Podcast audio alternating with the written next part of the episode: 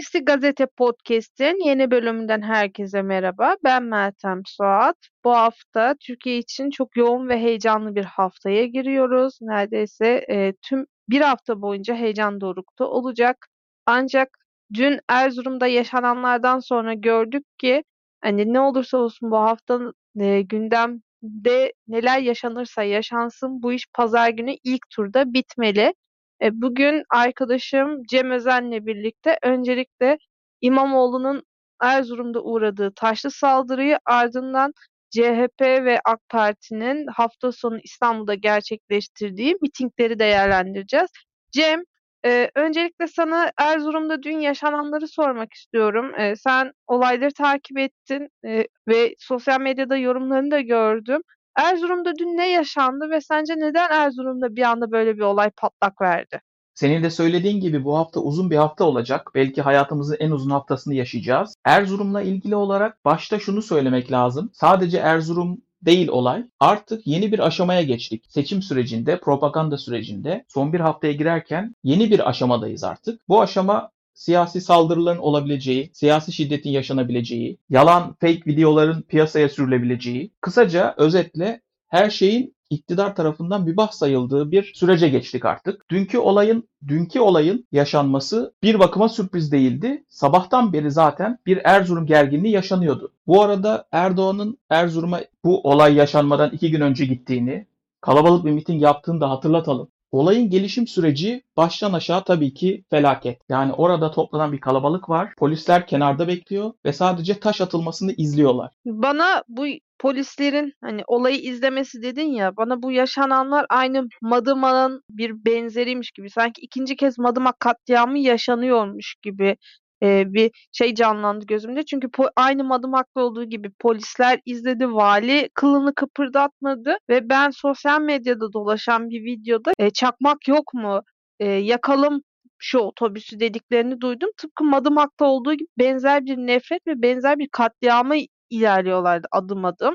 Ve bunun karşılığında ne İçişleri Bakanlığı'ndan, ne belediyeden, ne valilikten, ne de oradaki emniyet güçlerinden en ufak bir hareket, en ufak bir kıpırdanma gelmedi. Olayı kenarda oturup seyrettiler. Tamam orada bir provokasyon yaşandı. Oradaki insanlara taşlı saldırı yapıldı. Neden emniyet görevlileri, valilik kenarda oturup izlemeyi tercih etti? Artık hani kamu görevlileri tamamen iktidarın hizmetine ve tekeline mi girdi? Galeyana gelmiş bir kalabalıktan her şeyi bekleyebilirsin. E, buradaki olay senin söylediğin örnek ve daha önce yaşadığımız toplumsal bu tip olaylarda en azından görünürde polis veya güvenlik güçleri olayı önlüyormuş gibi, önlemeye çalışırmış gibi gözükürdü öyle bir imaj verirdi. Artık öyle bir aşamadayız ki öyle bir çaba da yok. Yani şu an iktidar kanadı İmamoğlu'nu suçluyor. Yani taşlandığı için İmamoğlu'nu suçluyorlar. Bu hiç normal değil. Bunu söylemek lazım. Bu ne olursa olsun iktidar ne kadar gücü kendine yontarsa yontsun bu normal değil. Yani taşlanan bir siyasetçinin, bir miting yapan taşlanan siyasetçinin suçlanması artık başka bir aşamaya, daha önce yaşamadığımız, deneyimlemediğimiz bir şeyi yaşadığımızı gösteriyor. Buna dikkat çekmek istiyorum. Akşam İçişleri Bakanı'nı dinledim Süleyman Soylu'yu. Tamamen İmamoğlu suçluyor. Hiçbir şekilde oradaki taş atanlarla ilgili bir söylediği bir şey yok. Gözaltına alınan kimse yok.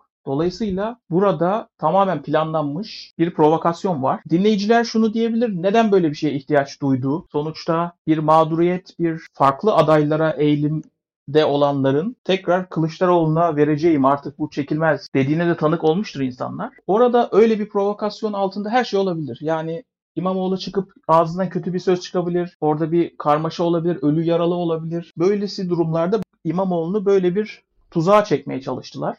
Tabii bu örnekten yine bir, bir kat yukarı çıkıp daha yukarıdan bakmak lazım olaya. O da şu. Erdoğan oy olarak rahat değil. Yani kazanıyor gibi gözükse, önde gibi gözükse bu tip provokasyonlarla oyun bozucu hamlelere girişmezdi. Benim aklıma hep 2018 geliyor. Yani Muharrem İnce'nin ne kadar rahat bir kampanya yaptığını düşünün. Niye böyle oldu? E çünkü fark açıktı. Fark oldukça açıktı. Orada bir provokasyona bir şeye gerek yoktu. Bırakın İnce konuşsun dediler. O da konuştu. Ama bugün öyle bir durum yok. Anketler kafa kafaya. En azından Erdoğan'ın rahat olmadığını görebiliyoruz. Ve bu artık son hafta artık imdat butonu mu diyeyim? Artık son normalde yapılması icap etmeyen şeylerin de yapılabileceği bir son haftaya giriyor. Ya açıkçası ben dün İmamoğlu'na yapılanları ve Süleyman Soylu'nun hem sosyal medyada yaptığı paylaşımı hem de açıklamasını da takip ettim.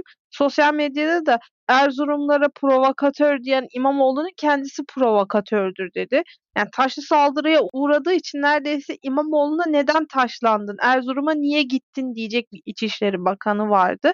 Evet dediğin doğru 2018 seçimlerinde ne İnce'nin destekçilerine ne de İnce'nin mitinglerine, konuşmalarına böyle bir saldırı yapılmadı çünkü fark çok açıktı. Ama şu an bütün anketlerde makasın gitgide daralmış olması AK Parti'nin elindeki bütün kozların tükendiğini de gösteriyor.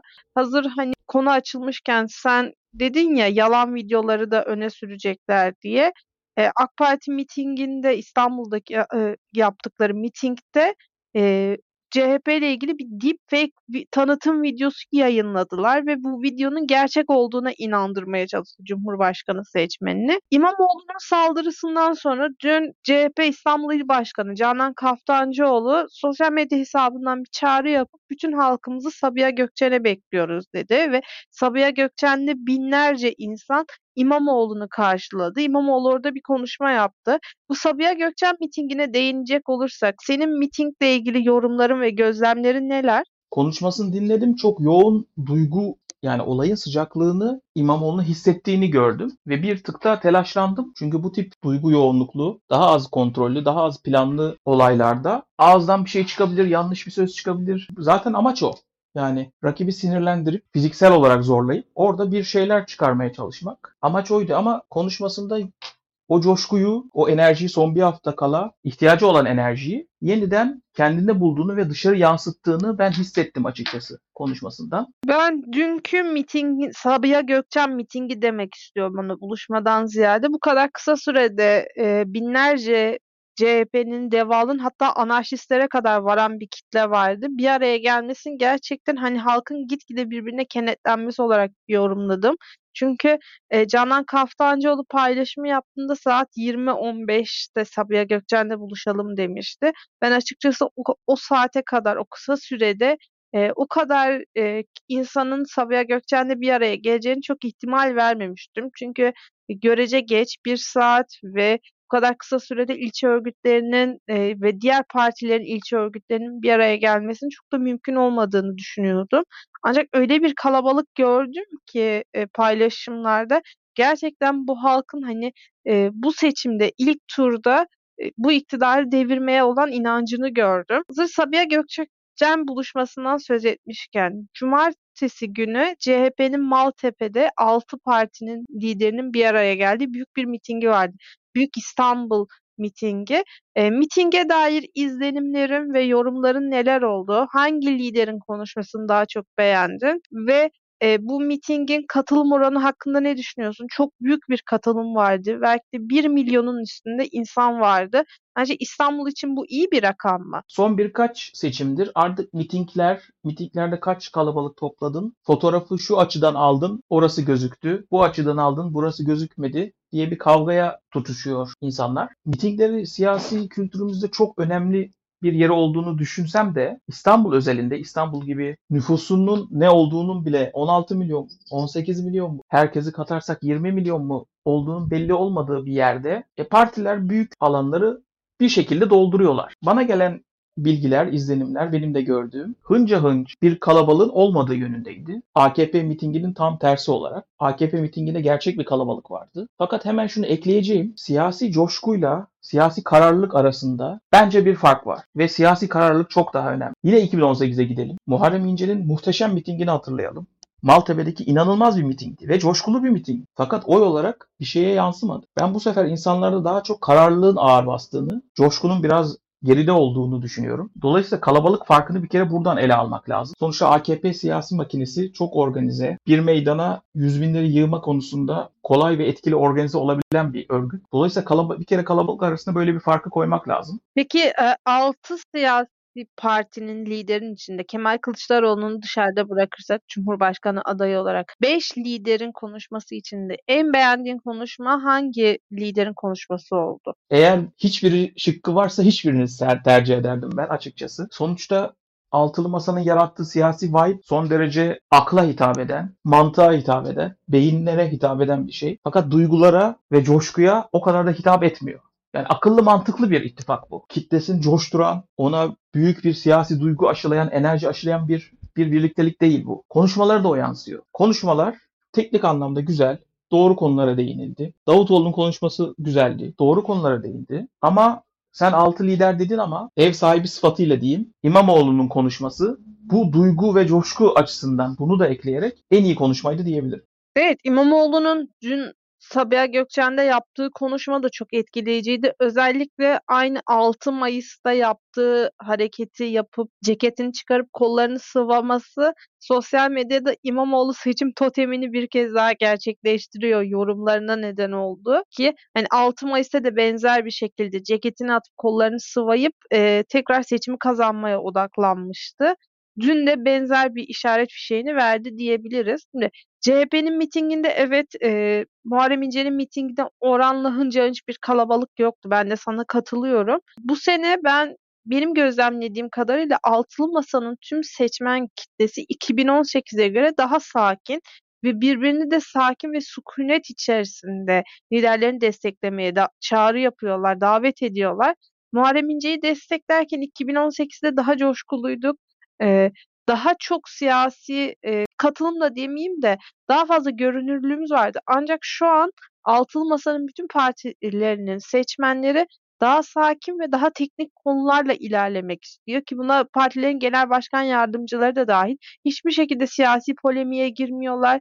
E, hiçbir şekilde kendi aralarında yaşanan uyumsuzlukları dışarıya yansıtmıyorlar ve hep sakin ve sükunet içerisinde tamamen vaatlerini anlatmaya odaklı, eee, seçmeni provoka etmeden, kendi seçmenini gaza getirmeden sakinlik içerisinde yapacaklarına odaklı bir, eee, ittifak profili var. Açıkçası bu benim çok hoşuma gidiyor. Benim görmek istediğim siyasetçi profili de bu. Şimdi mitinglerden söz açılmışken dün gerçekleşen Atatürk Millet Bahçesi'nde gerçekleşen AKP mitingine katılımı nasıl o, eee, yorumluyorsun? Eee, sana bunu sormadan önce ben kendi birkaç görüşümü de eklemek istiyorum. Ben dün mitingi izlediğimde Cumhurbaşkanı Erdoğan'ın gerçekten elinde somut bir vaat kalmadığını gördüm.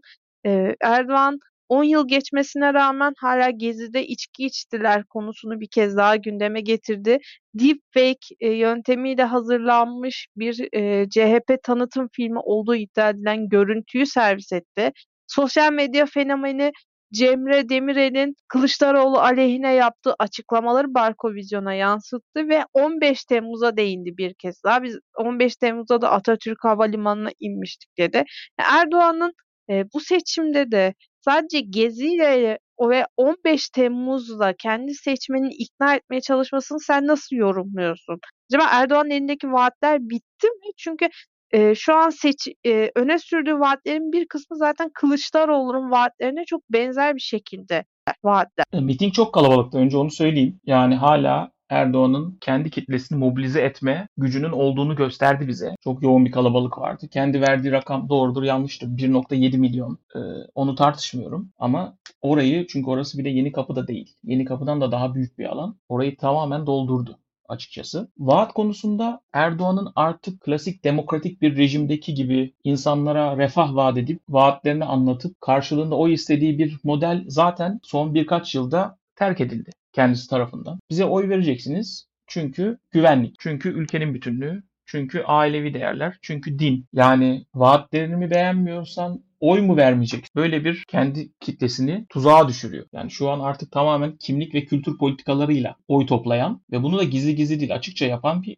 bir yönetim var. Yani ekonomik şeyleri, ekonomik çıktıları küçümseyen, işte biz TOG yapıyoruz, adamlar soğan diyor diye özetleyebileceğimiz, o söylemde özetleyebileceğimiz bir noktaya ittiler kendilerini. Dolayısıyla evet dediğin doğru ama bu bilinçli de bir tercih artık. Yani ekonomik vaat ikinci sırada. Düzeltiriz. Siz bize yetkiyi verin. O da yine simgesel olarak e, önemli bir söylem oldu. 2018 seçim öncesinde söylediği. Siz bize yetkiyi verin. Sonra sonrası yok. Dolayısıyla yine aynı düzlemde ilerledi. Diğer mitinglere benzer düzlemde ilerledi. Dediğim gibi bu yeni aşama içinde ele almak lazım. Programın başında konuştuğum o seçimin yeni aşaması çerçevesinde konuşmak lazım bu konuları. Örneğin sen deepfake videodan bahsettin. E, deepfake video onu düzelteyim. Deepfake değil düz montaj. Yani ses arkada, önde görüntüyü, Murat Karayalan'ın görüntüsünü koymuşlar. Sanki birlikte şarkı söylüyormuş gibi ama bu deepfake sayılmaz. O bayağı yeni ve teknolojik bir şey. Bu yapılan düz montaj. Kes yapıştır, onu koy öne. Artık artık o noktaya doğru ilerledik. Yine mitingden iki gün önce Erdoğan'ın attığı bir tweet vardı. Parantez için böyle uzun uzun tweetler atıyor. İletişim açısından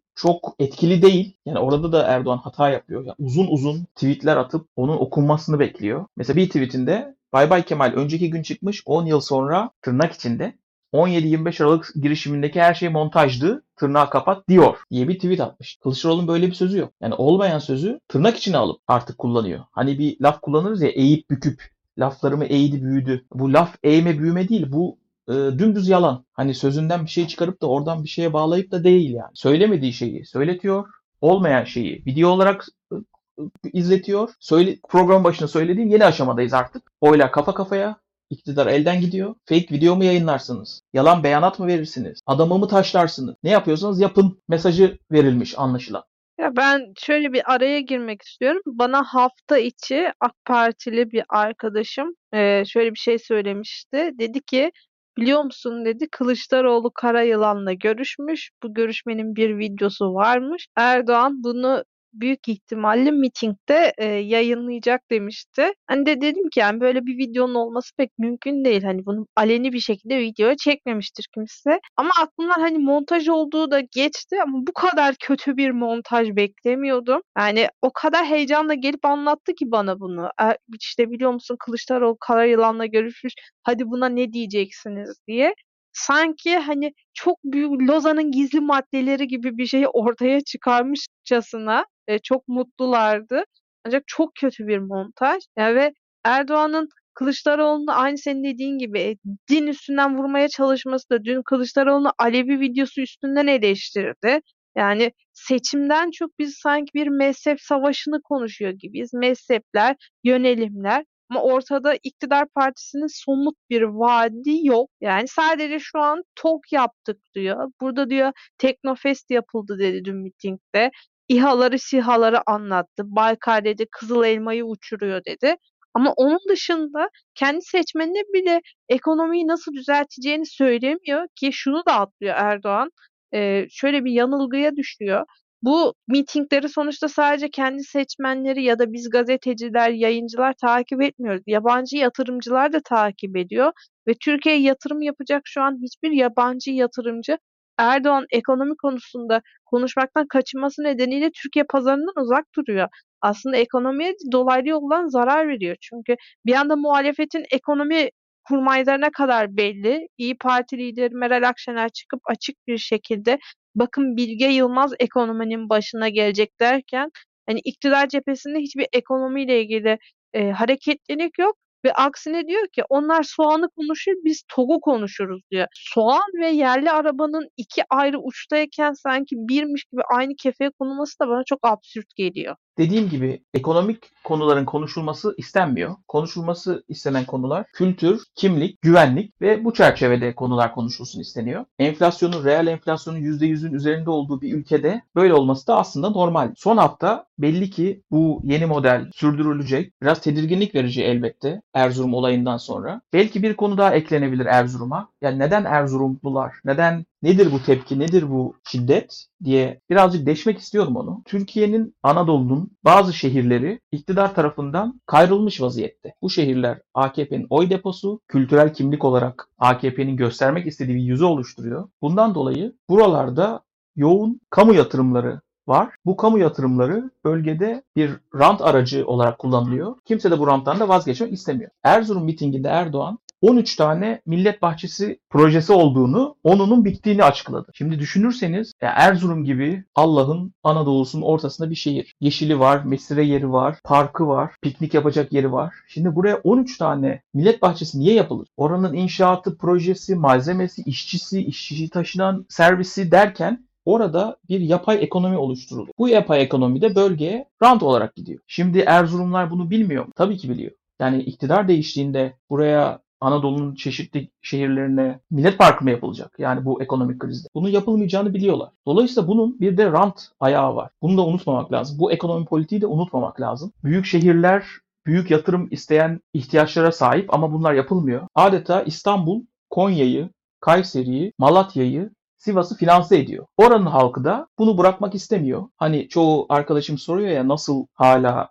AKP oyunu koruyor diyor. İşte böyle koruyor. Allah'ın Erzurum'una 13 tane millet bahçesi yaparsanız insanlar oy vermekten imtina etmezler. Son olarak e, bildiğin gibi bu hafta TRT'de siyasi partilerin propaganda konuşmaları da başladı. Ben açıkçası hani uzun yıllardır TRT'deki siyasi parti propagandalarını ilgiyle izleyen bir insanım ve hasret kalmıştım propaganda videolarına. Şu ana kadar Halkın Kurtuluş Partisi, Türkiye İşçi Partisi, Cumhurbaşkanı Erdoğan, Kemal Kılıçdaroğlu ve Yeniden Refah Partisi konuştu. Özellikle Kılıçdaroğlu'nun TRT'de TRT'yi eleştirdiği e, konuşması çok konuşuldu sosyal medyada. Ama benim en çok dikkatimi çeken konuşma Yeniden Refah Partisi Başkanı Fatih Erbakan'ın konuşması oldu. Erbakan iktidara geldiğinde açık bir şekilde LGBTİ derneklerini kapatacağını, LGBTİ propagandasına kesinlikle destek verilmeyeceğini ve yapılmayacağını ve ateizmin, deizmin ve bunun gibi benzer sapkınlıkların yani eşcinselliğin ortadan kaldırılması için çalışmalar yapılacağını söyledi. Ben şunu çok merak ediyorum. Evet, Yeniden Refah Partisi'nin ve Hüdapar'ın gözünde eşcinsellik, ateizm ve deizm gibi konular sapkınlık ve günah olarak görülüyor. Ancak bunların e, önüne geçeceğiz, bunları yasaklayacağız, bunları kesinlikle kamusal alanda barındırmayacağız demek hani şu şu soruyu aklıma getiriyor. Neden? Yani size günah gelen şeyi neden ısrarla yasaklamaya çalışıyorsunuz? İslamiyet'te çan eğrisi mi var? Yani size günah olan şey de yani benim yaptığım günah yüzünden siz cehennemde mi yanıyorsunuz? Bu şey gibi çan eğrisini bilmeyenler için hani hatırlatalım e, sınıfta ortalama yükselince diğerleri de hani daha nacizane düşük puan alırlar ya ortalamaları düşer. E, böyle bir şey mi var yani? Benim inanışım neden senin gözüne bu kadar batıyor ve Erbakan neden ısrarla eşcinselliğin kökünü kazıyacağız diyor. Bana çok saçma geliyor. Ama onun dışında Cumhurbaşkanı Erdoğan'ın bu kardeşinize bir kez daha yetkiyi verin demesi TRT'de yani ısrarla bu kardeşinize bir kez daha yetkiyi verin diyor. Ben Kemal Kılıçdaroğlu'nun konuşmasını çok beğendim. TRT'de TRT'yi eleştirmesi gerçekten çok güzel ve cesurca bir davranıştı.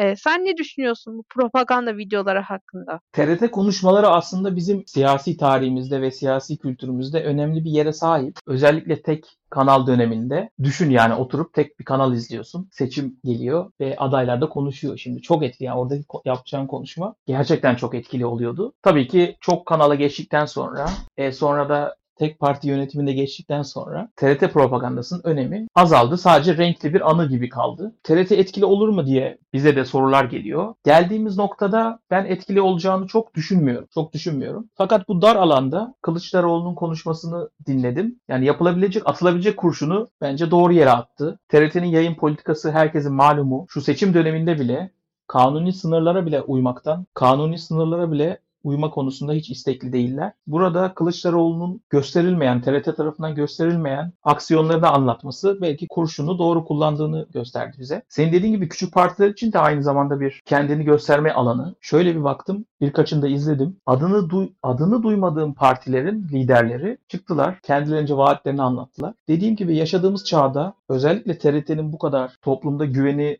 güvenini yitirdiği bir dönemde pek etkisi olmayan ufak hamlelerin yapılacağı bir bir yayın. Evet, e, Türkiye'nin belki de hem demokrasi tarihi açısından hem de yüzyıllık cumhuriyet yaşamının en uzun haftalarından birine giriyoruz. Biz de heyecanla e, bu hafta sonuna kadar, pazar gününe kadar neler yaşanacağını takip ediyoruz. podcast'in başında e, söylediğimi bir kez daha e, vurgulamak istiyorum. Bir kez daha altını çizmek istiyorum. Bu seçimde hala kararsız seçmenlerin sandığa gidip gitmeyeceğini konuşuyoruz. Son bir haftada bile arkadaşlar hani sevgili dinleyiciler dün yaşananlardan sonra dediğim gibi tekrar tekrar altını çizerek söylüyorum. Dün yaşananlardan sonra gördük ki bu işin artık lamıcımı yok. Bu işin pazar günü ilk turda bitmesi lazım diyorum. Cem yorumların için çok teşekkür ederim. Ben teşekkür ederim. Sesli Gazete'nin bir bölümünün daha sonuna geldik. Bugün gazetemizin manşetinde Ekrem İmamoğlu'na Erzurum'da yapılan taşlı saldırıyı ve AK Parti'nin İstanbul mitingini koyduk. Sürmanşetimizde ise Cumhuriyet Halk Partisi'nin cumartesi günü Maltepe'de gerçekleştirdiği Büyük İstanbul buluşması vardı.